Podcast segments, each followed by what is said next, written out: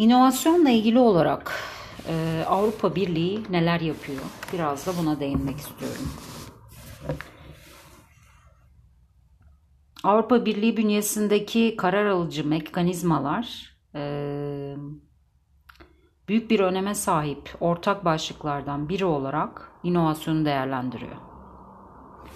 Ve e, 2000 yılında gerçekleştirilen Lisbon zirvesinde de önümüzdeki 10 yıl içinde Avrupa Birliği'nin e, rekabetçi ve dinamik bir bilgi ekonomisi haline gelmesi ortak bir hedef olarak birliğe üye tüm ülkeler tarafından benimsenmiş o tarihte.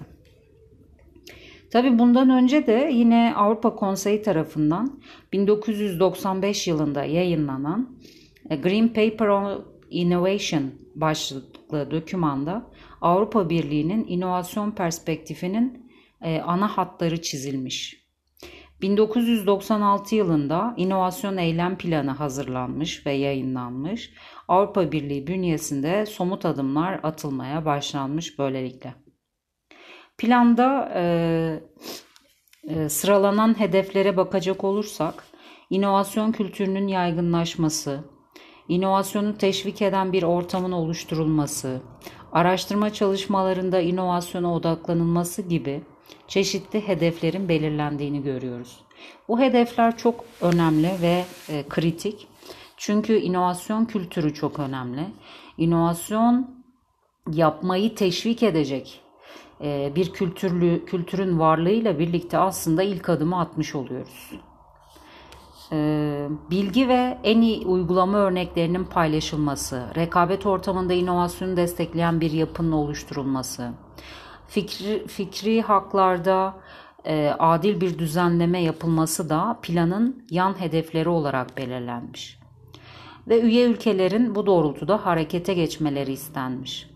Planda ayrıca idari işlemlerdeki karmaşanın giderilerek vergi, teşvik ve eğitim sistemlerinde inovasyonun uygulanabilmesine imkan tanınması temel bir hedef olarak ortaya konulmuş. Avrupa Komisyonu Lisbon zirvesinde e, belirlenen inovasyon hedeflerine ulaşılması için 2003 yılında iki önemli noktayı vurgulamış. Buna göre komisyon inovasyon sürecinin merkezi olan işletmelerin inovasyon faaliyetlerinin desteklenmesi, rekabet için ARGE dışındaki organizasyonel inovasyon ve pazarlama inovasyonu gibi inovasyon türlerinin ön planda tutulması gerekliliğini AB üyesi ülkelere hatırlatmış. 2004 yılında ne olmuş? 2004 yılında da yeni bir inovasyon eylem planının hazırlanması için çalışmalara başlanmış. 2007-2013 dönemi için rekabetçilik ve inovasyon çerçeve programı Competitiveness and Innovation Framework Program başlıklı döküman kabul edilmiş. Ve bu programda da amaçlanan inovasyonu hem teknolojik hem de teknolojik olmayan yönleriyle bir bütün olarak ele almak ve tüm sektörlerde uygulanabilir kılmak. İnovasyon denince insanların aklına teknolojik inovasyonlar geliyor. Ancak inovasyon sadece teknolojiyle sınırlı değil.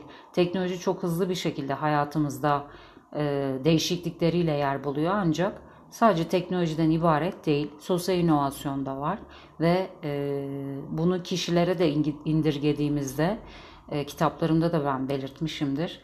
E, bir ev hanımı, bir e, öğrenci, e, bir çocuk da inovasyon yapabilecek kapasiteye sahiptir.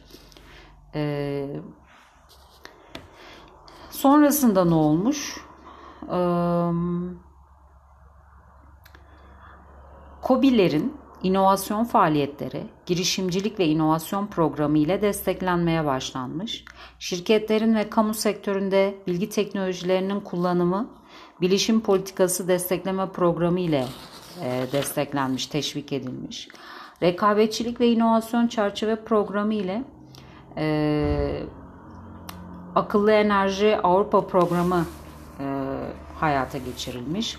Burada amaçlanan da inovatif yeni enerji kaynaklarının araştırılması ve uygulanması.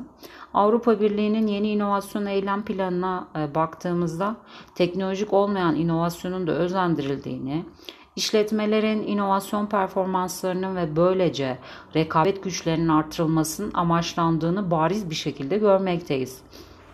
Bu planla birlikte Avrupa Birliği inovatif fikirleri korumak, özendirmek için yeni bir fikri haklar stratejisinin hazırlanmasını gündemine almış, inovatif ürün ve hizmetlerin kullanımını destekleyecek şartların oluşumunu ve böylece de özel sektörün çok daha fazla inovatif hale gelmesini amaçlamış olmuş.